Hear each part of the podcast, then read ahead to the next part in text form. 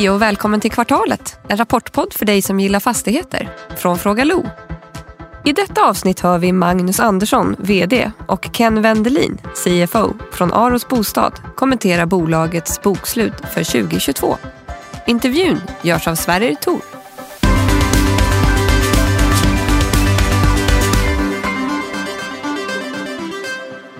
Hej Magnus, hej Ken. Hej! Hallå, hallå! Allt bra med Ja, tack. Det är bara bra. Det är bra. Det är bra. Härligt. Härligt. Eh, jag såg att aktien har gått upp 3,5 procent idag. Ja, det såg vi också. Och det brukar tyda på att aktiemarknaden som är ganska svårflörtad de här, de här senaste veckorna är nöjd. Det får vi hoppas. Det är en stark rapport. Så att... Ska vi höra vad Niklas tycker? Varsågod Niklas Höglund.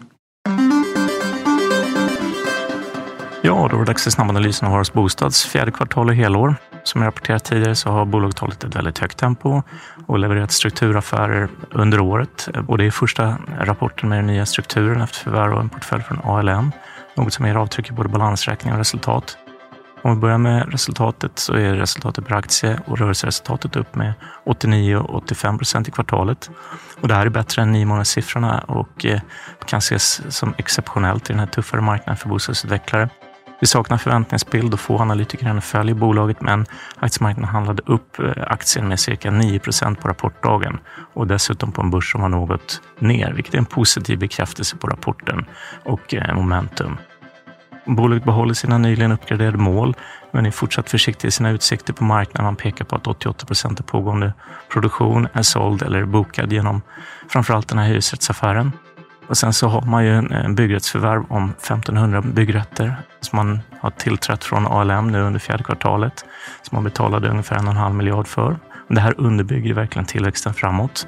ALM kommer gradvis att bli största ägare i Aros och förvärvet sker genom en emission av stam och preferensaktier. Tittar vi typ på balansomslutningen, det vill säga tillgångarna i bolaget, så ökar de till 2,5 miljard från 1,1 miljarder eh, föregående år. Så det visar ju på ja, att det är en substantiell affär. Eh, och bolagets egna kapital ökar då till 1,9 miljarder från cirka 1 miljard förra året. Så att det är en, ja, en dubbling av, av bolaget kan man lugnt säga.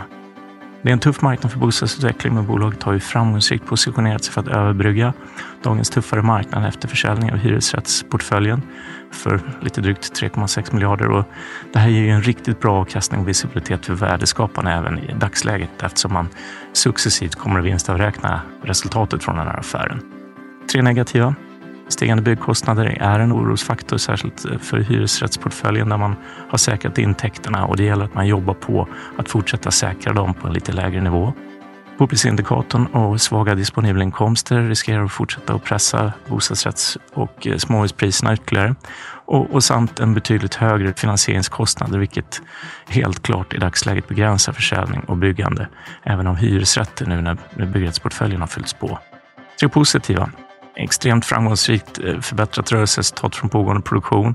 Hög visibilitet för intäkterna givet den här hyresrättsaffären till en stark motpart och tydligt stöd från eh, byggrättsvärdering med låga ingångsvärden och där ALM-affären även adderar breddning av ägarbasen och stärker kvaliteten ytterligare i pipeline, främst kring småhus. Ett viktigt segment i dagens tuffare marknad. Och slutligen landar i en eh, visibilitet för värdeskapande och tillväxt, nu med ännu starkare soliditet och balansräkning, vilket ledde till samma budskap som tidigare. Att om Aros fortsätter på det här viset så är det något som aktiemarknaden kommer ta fasta på och premiera framåt.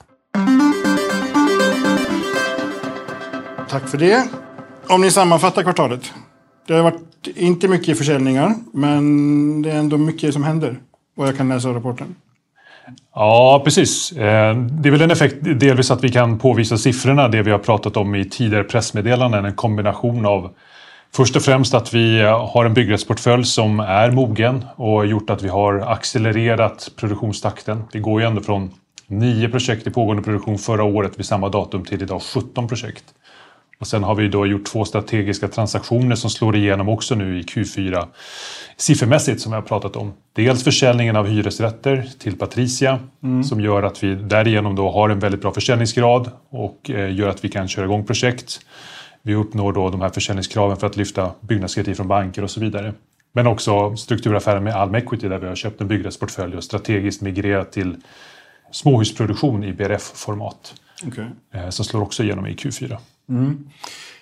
det är ju en, en tid då framförallt bostadsutvecklare har, liksom, har det tufft. Eh, det är en tid då det blir mycket frågor om, om bostadsmarknaden. Eh, och, och framförallt då, då e-, egna hemsmarknaden såklart. Hur, hur, hur påverkas ni? Liksom? Vad, jag, jag gissar att ni har en, en pedagogisk utmaning. Jag tror, ja, delvis. Alltså våran, eh, våra stora, det sättet som vi har förberett oss på den här avvaktande marknaden, det är ju hyresrättsförsäljningen som Ken är inne på. Vi har egentligen nedprioriterat bostadsrättsaffären, framförallt under andra halvåret och egentligen gått över till att starta hyresrättsprojekt där vi har säkrade intäkter. Och det är ju vårt sätt att egentligen hantera marknadsnedgången som vi tror kommer att hålla i sig ett antal kvartal till på bostadsrättsmarknaden. Mm. Så vi har ju haft under kvartalet, som du säger, vi har haft en låg försäljning i kvartalet. Men vi har haft en väldigt hög försäljning på helåret. Eh, men vi har också haft en väldigt liten volym bostadsrätter ute i marknaden, kanske bara 100 lägenheter under Q4.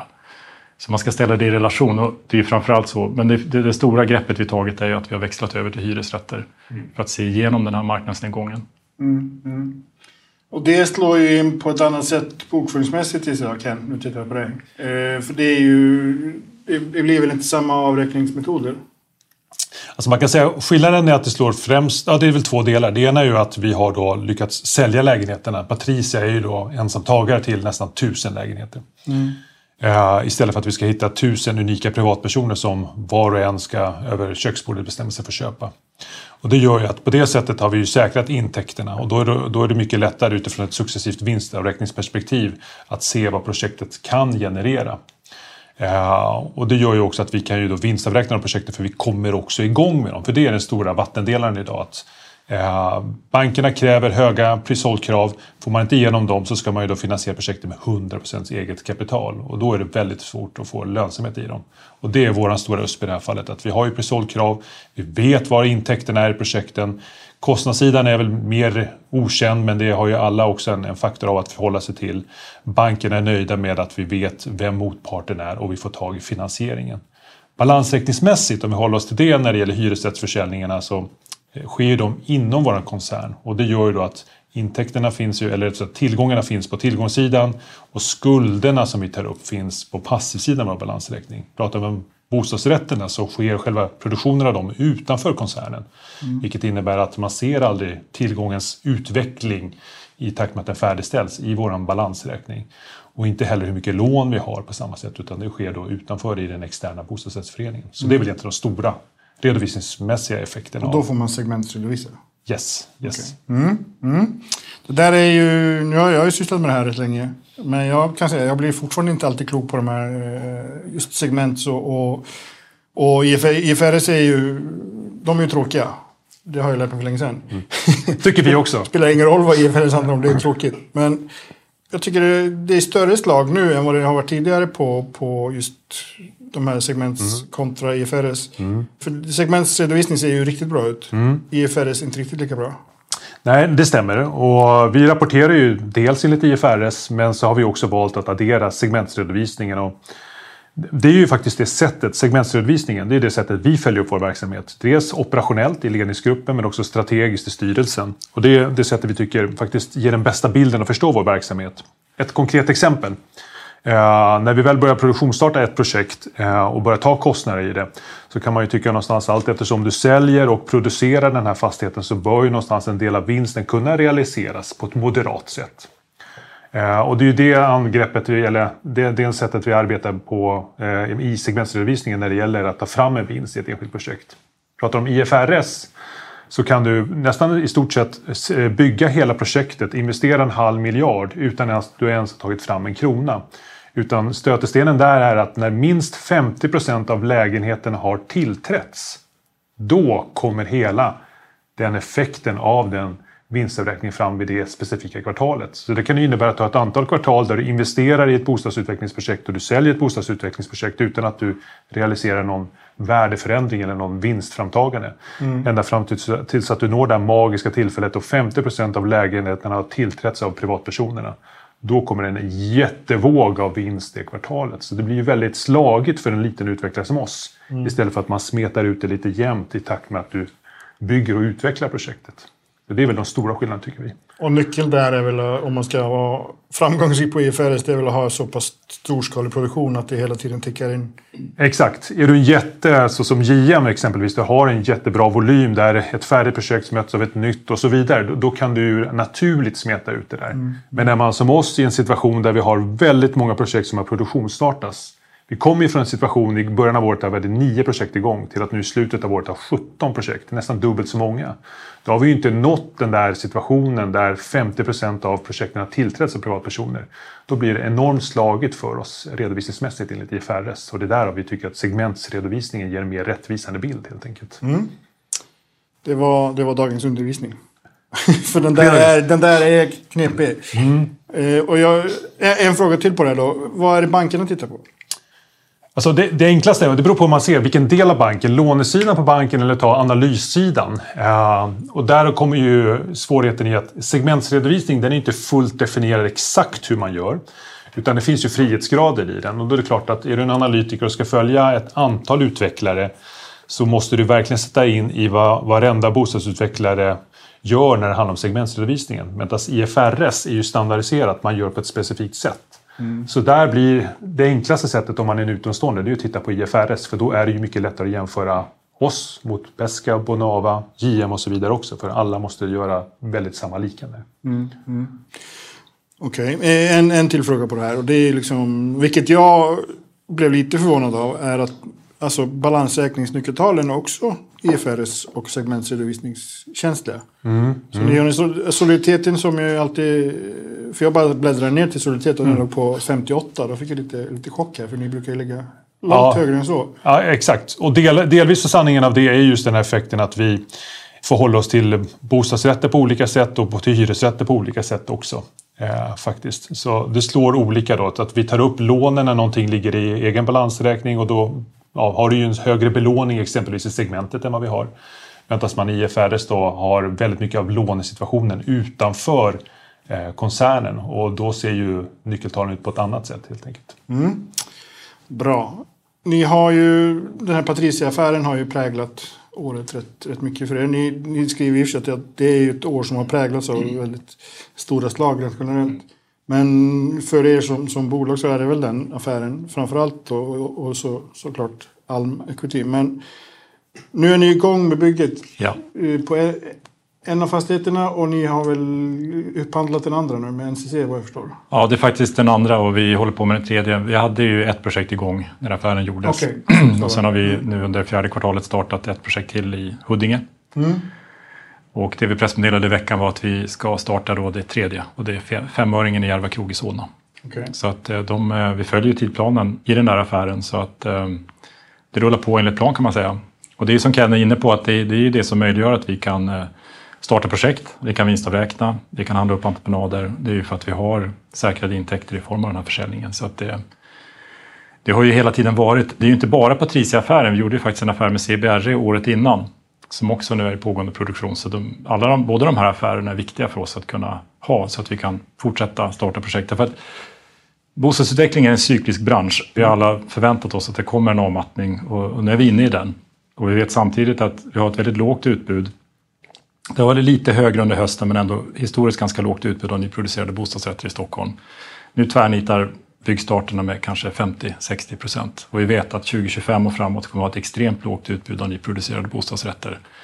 Och det handlar om att se igenom det här och, och inte bromsa för mycket utan fortsätta hålla igång eh, verksamheten. Mm. Eh, så det, det, är ju, det, är ju, det är två väldigt viktiga affärer för oss. Mm. Men det är, inte, det är inte så att vi har växlat om till hyresrätter som vår kärnaffär utan det är bostadsrätter som kommer att vara det. Men nu temporärt så blir det mer hyresrätter.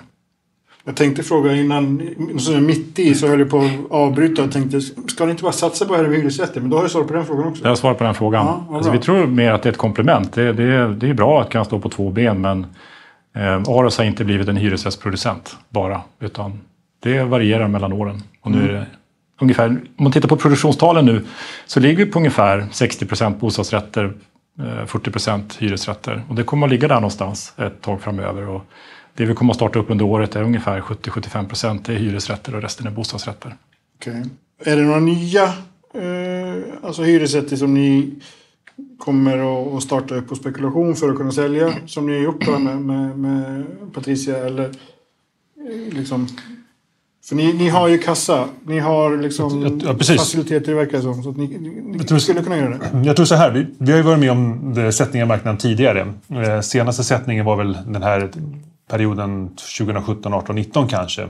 Man eh, refererar till normaliseringen i bostadsutvecklingssegmentet där Oscar Properties blev väl galjonsfigur för oss utvecklare i dagens industri.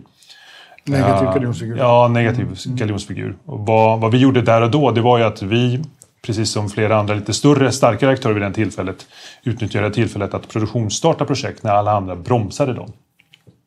För att vi vet ju att marknaden är cyklisk och har blivit mycket mer snabbare i cyklikalitet över åren. Så kan man ta det bettet och ha de finansiella musklerna att kunna genomföra projekt när andra bromsar så kommer du ha färdiga projekt när marknaden är mer mogen igen. Och det var en framgångsfaktor för oss att ta steget och växa bolaget på det sättet. Så det är så vi tänker oss nu framöver. Nu är vi återigen i en sån här tuffare situation. Vi har lavat för det som Magnus är inne på med ett par strukturaffärer eller strukturellt liknande affärer i form av hyresrättsförsäljningen och förvärvet av Alm Equity. Med strategisk positionering mot radhus i BRF-format. Och vi har också lavat för att vi ska ha en väldigt god soliditet. Vi har ju nästan 80% soliditet i bolaget. Beroende på hur man räknar. Då. Bra, sorry, beroende på hur man räknar, helt riktigt. Mm. Men, tanken är- 58 är rätt bra också. det, målet är 30, det är det vi ska sikta mot. Så vi är väl över målet i alla fall. Och det gör att vi ska då kunna utnyttja den förutsättningen, precis som våra stora starka konkurrenter, att produktionsstarta projekt nu när andra inte gör det. För att när väl marknaden är tillbaka, ha färdiga projekt och kunna ta ytterligare ett kliv i bolagets utveckling därigenom. I vd-ordet står det ju Aros Bostad är, är väl förberett för det utmanande marknadsläget och vi ser möjligheten att utveckla verksamheten vidare och det gissar jag, det är precis det du är inne på nu. Eller Ja. är, det något, är det något ännu, något ännu mer som ni avser med det? Nej, alltså generellt sett så är det ju så att i de här, den här cykliska verksamheten som Ken är inne på, det är nedgångarna som vi har gjort de bästa affärerna. Så att vi är förberedda på att det kommer att komma möjligheter att köpa mer fastigheter, mark för att bygga byggnadsportföljen vidare för att kunna starta projekt längre fram. Så att vi är väl beredda att, dels att fortsätta produktionen nu och starta upp de här projekten enligt plan och sen också ta tillvara på affärsmöjligheterna som säkerligen kommer att komma. Vi är kanske inte riktigt där än, men ger något kvartal till så tror jag nog att det kommer att komma en del väldigt bra affärsmöjligheter som, som kommer att stärka oss. Som mark då? Eller? Ja, både mark och fastigheter och vi har gjort, nu har vi gjort en strukturaffär med ALM Equity och vi tittar hela tiden på hur marknaden utvecklas för att se hur vi kan ta det här vidare. Eh, men sammanfattningsvis, ni, ni, ni bromsar er inte ur en utförsbacke? Nej, jag såg fastighetsvärden skrev någonting, vi drar inte i handbromsen och vi kan väl säga samma sak. Det, det handlar ju om, så återigen, att, att inte bromsa för mycket i en nedgång utan försöka vara med och se igenom och eh, för det, marknaden kommer att återvända eller återhämta sig. Om det då är slutet på året eller när det är så, då ska vi vara med. Ni poängterar på flera håll i, i rapporten att, att nu, nu är ni bara inte, nu, är inte bara Stockholm längre, nu är det även Uppsala. Ja, Eh, är det några fler, jag har frågat om det förr, men är det några fler kommuner ni tittar på? Liksom? Västerås, Örebro, de är rätt stora också. Ja, eh, ursprunget är ju Västerås så att eh, det förekommer diskussioner om att vi ska tillbaka till Västerås. Men där är vi inte än. Men det är ju de här kommunerna som vi har lagt till, det är ju Storstockholmsregionen. Så vi har breddat oss ytterligare, till exempel Ekerö har vi fått ett bättre, eh, vi har kommit in där, vi har kommit in i Södertälje, vi har kommit in i Nynäshamn. Så det är ju det är de kommunerna vi tittar på. Sen om vi ska ta steget vidare ut i Mälardalen, det, det får väl eh, framtiden visa. Vi hittar fler Arosar då. Mm, just det. Ja, exakt. Det är ju, det är ju viktigt. Det, är ju, det här är en väldigt lokal verksamhet. Du ska känna din kommun, du ska känna vilka leverantörer som finns och man ska ha någon respekt för att um, utvidga sig geografiskt för mycket. Så att vi får se vad vi, vad vi hittar på. De här affärerna ni har gjort, de här liksom byggstarterna ni är igång med. Vi, vi har ju pratat mycket om det, ni har ju haft fasta avtal, fasta priser. Eh, Hur ser den bilden ut? För det är ju... Nu ni poängterade ju i vd-ordet att, att ni börjar se liksom att det börjar sätta sig hos, hos entreprenörerna. Ja. Eh, hur ser den bilden ut? Ja, Vi, historiskt har vi haft egentligen alla våra projekt på fastprisavtal. Men eh, det vi gör nu är väl att vi i större utsträckning går in i mer rörliga entreprenad, entreprenadavtal. Och det är för att vi inte vill låsa in priserna på höga nivåer för vi förväntar oss att det kommer att kunna komma ner. Så det gör vi, men det gör vi med de parter som vi känner att vi har ett bra samarbete med och ett starkt förtroende för. Där kan vi gå in i mer reglerbara prismekanismer så att vi kan ta del av prisnedgång. Mm. Så vi låser inte in lika mycket, men det vi har i pågående produktion nu så är majoritet fortfarande på fastprisavtal. Okej, okay, okay, Jag är lite nyfiken på när ni till exempel handlar upp det här eh, projektet som, som i Solna. Som ja, det. Fem år. Alltså hur, hur många har ni som egentligen vill, vill jobba med er? Jag gissar att det inte bara NCC? Nej, det är det inte. Just den här affären, och det kommunicerade vi också i samband med affären, det var ju villkorat av ett fortsatt samarbete med NCC. Och det tycker vi är bra, för vi, vi, det här är det tredje, fjärde projektet vi gör med NCC nu. Mm. Så vi har ett väldigt bra samarbete med NCC. Eh, men i övrigt kan man väl säga generellt så ser vi att det är ett mycket större intresse för att lämna anbud. Det är det definitivt. Eh, och vi har ju mycket bredare portföljer av entreprenörer som vi samarbetar med nu än vad vi hade för säg fem sex år sedan när vi var en ganska liten spelare och det var ganska svårt att få anbud så är det betydligt bättre nu. Mm. Mm. Hörni, vi börjar närma oss slutet men eh, egentligen två saker som jag tycker vi behöver diskutera. Det är ju det ena att du, det här är din sista podcast. Ja, ja. För ni släpper inte förrän i maj igen och då är du... Stämmer. Då är du på nya jaktmarker. Just det. Just men det. Eh, ni har ju tillsatt då CFO-position. Ni har också eh, tillsatt en transaktionschef vilket jag tyckte var lite intressant. Mm. Eh, och, och sen en chefsjurist. Men, men eh, ni får jättegärna berätta lite. Vilka, vilka är de här filurerna? Eh, ja. ja, jag kan börja så får Magnus fylla i då. eh, vi börjar högst uppifrån då som sagt var. Den som tillträder tjänsten som CFO efter mig är eh, Maja Dahlén. Det är en intern rekrytering. Hon har varit eh, ekonomichef under mig de senaste åren. Så jag tror det blir en jättebra lösning att hon kliver upp och tar över CFO-rollen. Eh, sen så delar vi egentligen upp den så att Daniel då som blir transaktionschef även blir finanschef också. Mm. Så att eh, han tar den delen av CFO-rollen helt enkelt. Mm. Och det är också en intern ja, rekrytering eller upp, uh, upliftment kan man säga någonstans. Så att kombinationen tror jag blir jättebra. Innebär det att ni satsar för att liksom ha en finanschef som är någon form av head of treasury som handlar upp liksom lån. Innebär det att ni satsar mer på, på liksom den biten? Eller? Jag, jag, tror så här att vi, på Aros har du en titel. Sen innebär inte det att det är det enbart du gör utan i ett litet entreprenöriellt bolag så måste du kunna göra betydligt mycket mer än så. Om man då tar just den rollen så Daniel han kommer ju vara ansvarig för transaktionsverksamheten och finansieringsverksamheten för de går ju väldigt nära hand i hand. Mm. Uh, så det är inte som så att man isolerar att det bara håller på med finansiering utan transaktion och finans. Mm. Och så sen kombinerar då att Maja då kliver upp från ekonomichef till att bli CFO då och ta plats i ledningsgruppen. Eh, så jag tror den kombinationen av två externa rekryteringar som vet vad Aros DNA är och kan fortsätta den resan tror jag blir jättebra komplement på, på nästa steg i utvecklingen för Aros. Mm.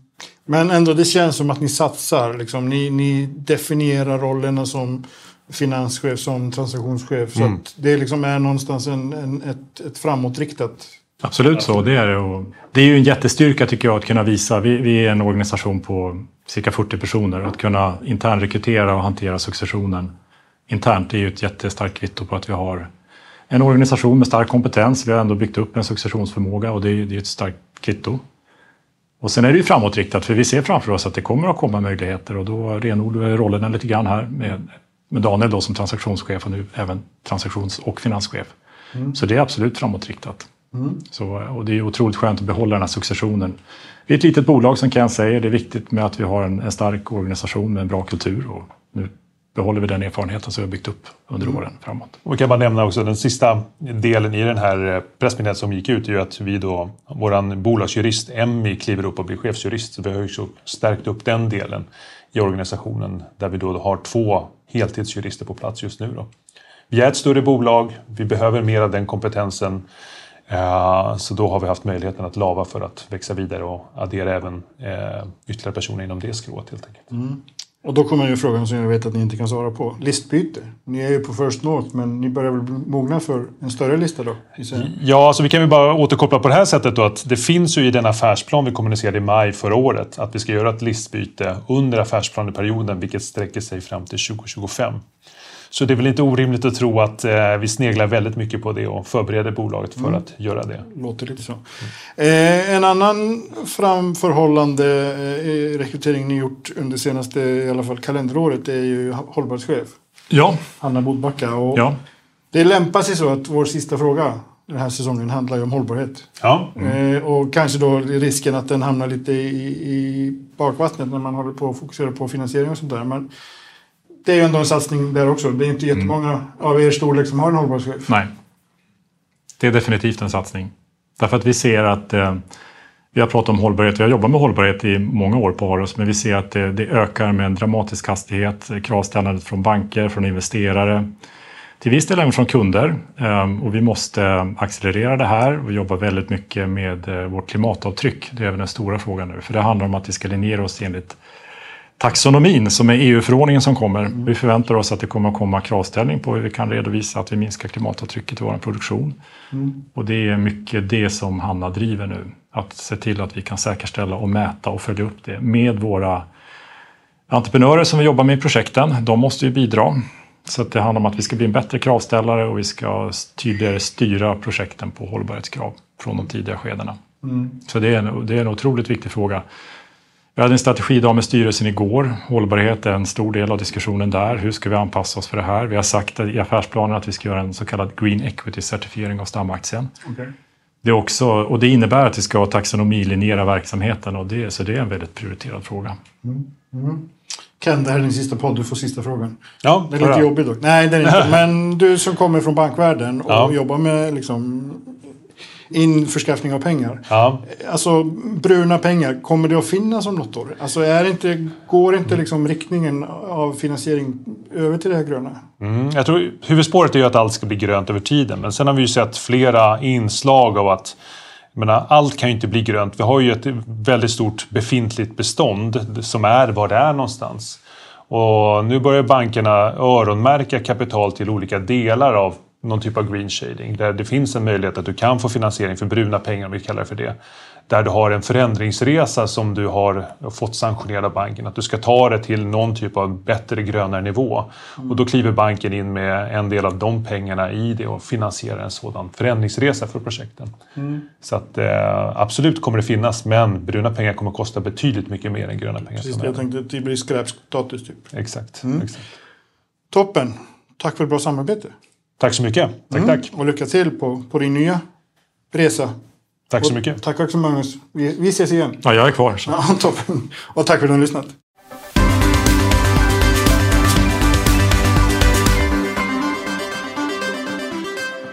Det här programmet görs på Beppo. Beppo.